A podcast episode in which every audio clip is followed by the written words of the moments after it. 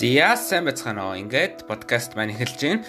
Энэ удаагийн подкаст бол 2021 оноос хойш ерөнхий олонсын сургууль төгсөгчдөө зориулсан подкаст байх болно. Яад вэ гэвэл монгол хэл бичгийн шалгалтын тухай өгүүлнэ. За подкастныхаа хамгийн ихэнд монгол хэл бичгийн шалгалт ер нь ямар очтой яах гэж авдаг тухай. За гол хэсэгт нь шалгалтын ер нь түгээмэл бүтэц ямар хөө даалгавар дасгал тест байдаг тухай За тэгээ хамгийн сүүлд нь би өөрийнхөө зүгээс та бүхэнд зөвлөгөө хүргэх болно. За ингээд бүгдээрээ подкастт орцгоё.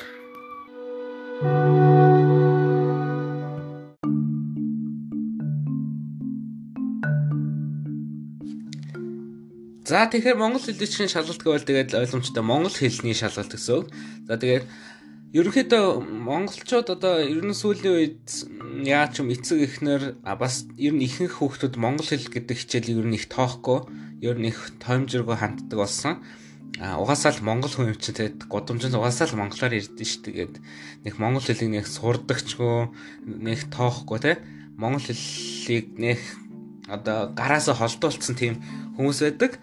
А гэтэл өндөө бол монгол хэлийг яг айгуу сайн мэддэг хүн бол яг Монголд бол маш цөөхөн байна. Би хүртэл монгол хэлийг сайн мэдэхгүй. Оос би монгол хэлийг одоо бол сайн сурсаар л байгаа. Тэгээд монгол хэл бол ерөнхийдөө бол тийм амаргүй хичээл. Яг нарийн бодвол яг нарийн л тийм толгой ажилласан хичээл дээ. За тэгэхээр монгол хэлний шалгалт ямар зорилготой авдаг вэ гэвэл ер нь бол яг олон нийтийн их хэлний дархлааны төвшин сайжруулах буюу ер нь бол тэгээд их хэллээл авч үлдэх, их хилээ яг цэврээр нь авч үлдэх тийм зорилготой тийм шалгалт байгаа. Тэрийг бол засгийн газрын 37 дугаар тогтоолын дагуу ингээд их хэлний боловсын чанар хэрэглээ, иргэдийн харилцааны соёл энтхэр зүйлийг сайжруулах зорилготойгоор ингэж шалгалтыг авж байгаа. За тэгээ энэ шалгалт бол ерөнхийдөө Ийшийн монгол хэлийг бодвол харьцангуй амар а гэхдээ хэрвээ та монгол хэлийг хийдэггүйсэн бол хийдэггүй те монгол хэлийг саяны хэлсэн хүмүүс шиг тооддоггүй байсан бол энэ бол танд хэцүү байх болно. За тэгээ монгол хэл бол тэгээд ерөнхийдөө аа ер нь л хамгийн эцсийн зорилго нь бол тэгээ хүн хүнээ ойлгох, хүн хүнд өөрийгөө ойлгуулах зорилготой хичээл шүү дээ. Тэгэхээр аа энэ тухай ер нь амьдралд маш хэрэгтэй гэж үздэг юм. Яг бол та насан туршдаа хүнтэй харьцсан, насан туршдаа нийгэмд амьдрна. Тийм учраас та хүссэн хүндээ хүссэн өөрийнхөө бодлоо илэрхийлж чадахгүй байвал эн чинь хэцүү хэцүү байх болно. За. За энэ шалгалт бол ерөнхийдөө 100 минут үргэлжилдэг. За тэгээд унших дасгалтай, тест сонгох дасгалтай, а сүүлд нь одоо бичих эсээ бичих тийм гурван шаттай байгаа. Тэгэхээр дээрэс нь нэмж хэлэхэд ингээд 400 оноогоор ингэж төвшин тогтоогоод 400-аас бага оноо авсан сурагчид одоо их сургуульд хамрагдах боломжгүй болж байгаа. Тэгэхээр өөрөөр хэлбэл юу гэсэн үг гэвэл ирээдүйд гарах, ирээдүйд төрж гарах шинэ одоо ажилчид шинэ иргэдийг анхнаас нь монгол хэлний өндөр мэдлэгтэй монгол хэлний зөв одоо боловсралтай хүн болгох тийм зорилготой байгаа юм л та. Яа тэгвэл ер нь ингээд хараад байхад хаа сайгүй л хүмүүс зүв бичгийн алдаатай хаа сайгүй л нэг амар монгол хэлний боловсролгүй гэдэг нь харагддаг. Одоо зураг дасаагаа л үзэхэд зүгээр реклам дээр хүртэл зүгээр их шиг гээхгүй ч юм уу аа зүгээр олон нийтэд тийм нэг олон нийтэд зарлсан нэг зар мэдэн дээр хүртэл хүмүүсээ гэхдээ хүмүүсээ гэж бичгтээ одоо тэр сүүлчийн ээг нэгэд нийлүүлж бичих ч юм уу ингээд хаасайг л алдаа харагддаг. Тэгээд ерөнхийдөө монгол хэлийг яг олон нийтээр тоохгүй олон нийтээр тэгж монгол хэл муутай байгаа болохоор энэ шалгалт бол их хэрэгтэй гэж би бодож байгаа юм. Яад вэ гэвэл ингэж 400-аас дээш оноотой хүүхдүүд үлдэж явбал арай гайгүй энэ асуудал арай ирээдүйд олон жилийн дараа гайгүй болох байхаа. Тэгэхээр миний бодлоор 400 дээшлүүлээд 600 ядч болгоул арай дээр. Тэгвэл ирээдүйд монгол хэл үнэхээр гоё байх болно. Тийм ээ. За, за тэгвэл одоо дараагийн подкастын хэсэгтээ яг жинхэнэ шалгалтны бүтцээ танилцъя.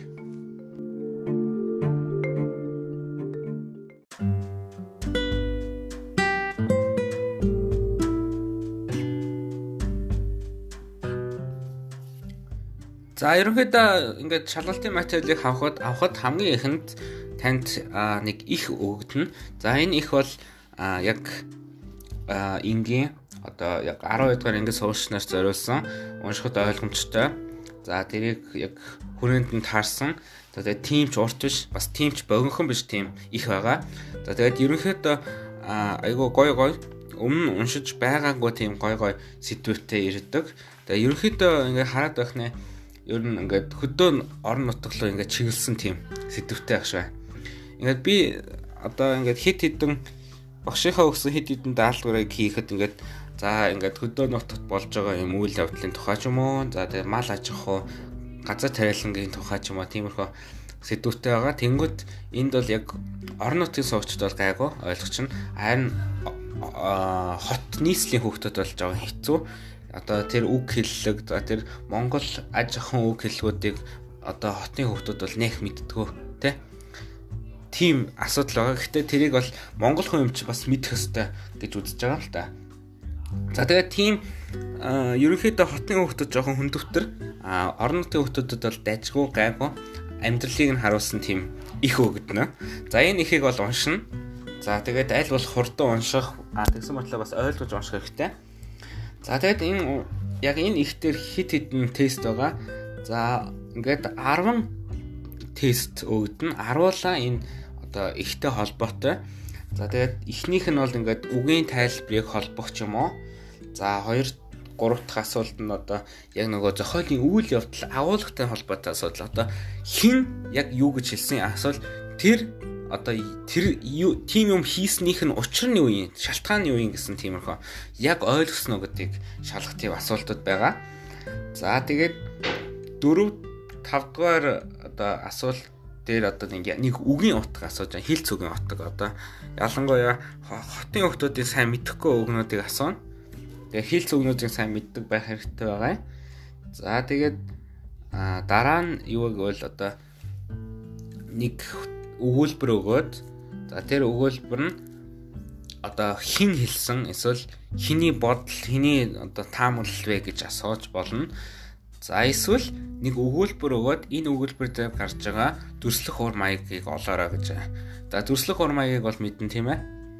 Янз бүрийн дүрслэх ур маяг байгаа. Тэрийг бас мэддэг байх хэрэгтэй. За тэгээд хамгийн сүүлчийн 9 10 дугаар тест нь бол ихэвчлэн ингээд ихийн гол санаа юу вэ? 10 дахь нь асуудлыг олох юм уу эсвэл сэдвийг олох тийм дасгал байдаг. Тэгэхээр ерөнхийдөө ихэд бүрэн гоцд ойлгочвол 10 тест бол мөтгөн гарчихна. Тийм амархан дэжгөө.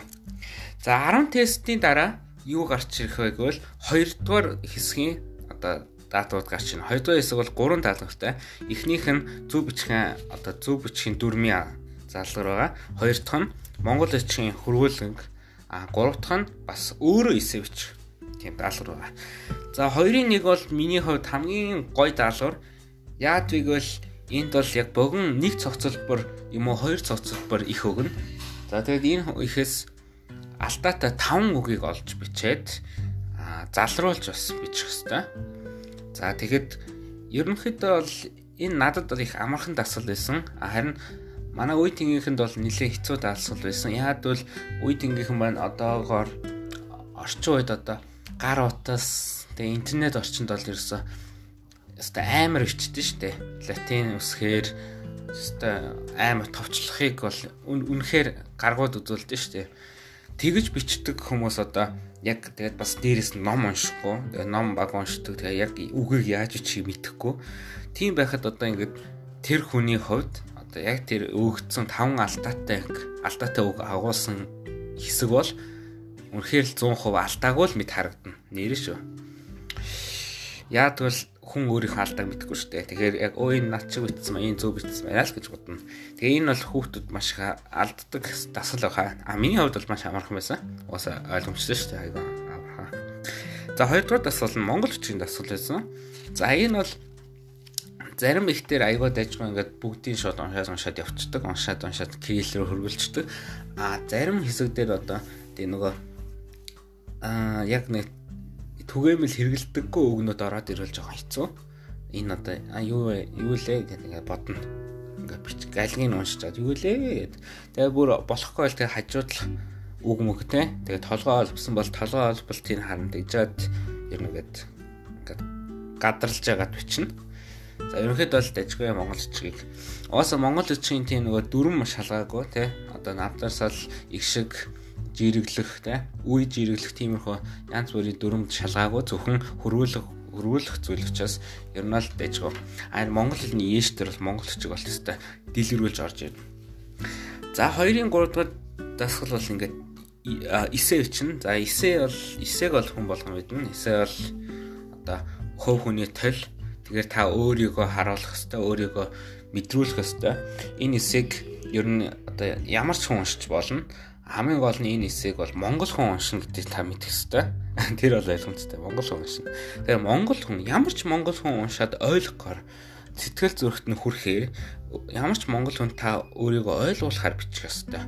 За тэгээ мэдээж дасгал дээр ингээд ямар сэдвтэй, ямар гарчгатай. За тэгээ хинд зориулж Тэгээд ямар бичлэлээр бичгийг хэлж өгдөг. Яг эдгээрийг дагаж бичихэд бол тэгээд л оноогоо авна гэсэн үг. Хэрвээ эдгээрээс зөрвөл болохгүй. За жишээлбэл ийм байна. Үе тэнгийнхэндээ загтал бичээрээ.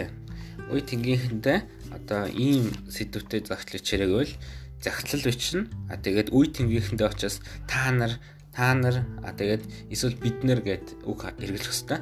А тэгээд олон нийтэд гэвэл Тэгээд үгээ өөрчлөөд та бүхэн одоо эрхэм та эрхэм сонсогч эрхэм уншигч нартаа гэх ч юм уу тэгж үг найруулга зөв хэрэглэх хэрэгтэй. За зарим тохиолдолд бүр эргцүүлсэн эсэ хичээрээ тайлбарлсан эсэ хичээрээ ятгсан эсэ хичээрээ гэдэг бүр зааж өгнө. Тэгэхээр энийг яг дасгалын нөхцөлийг сайн барьж ажиллахгүй бол тэгээд л утга санааны алдаатай болно шүү дээ. За тэгээд ерөнхийдөө нэг иймэрхүү хитгэн дасгал байгаа. Тэгээ 100 минут. Тэгэхээр дажгууд зтэй. Эсэг жоохон 30 минут ч юм уу бичээд үлдсэн бусдын 30 минут хий 70 минут хийдэг ч юм уу. Эсвэл эсэндээ нэг цагч гаргаж болно шүү дээ. Тэр бол хувь хүний л цагийн одоо хуваар л та.